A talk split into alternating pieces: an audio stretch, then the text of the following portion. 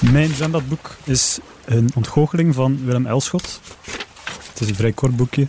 In een ontgoocheling vertelt Elschot het verhaal van uh, Louis de Keizer. Hij is uh, sigarenverkoper. Maar die verkoop van sigaren verloopt eigenlijk heel slecht.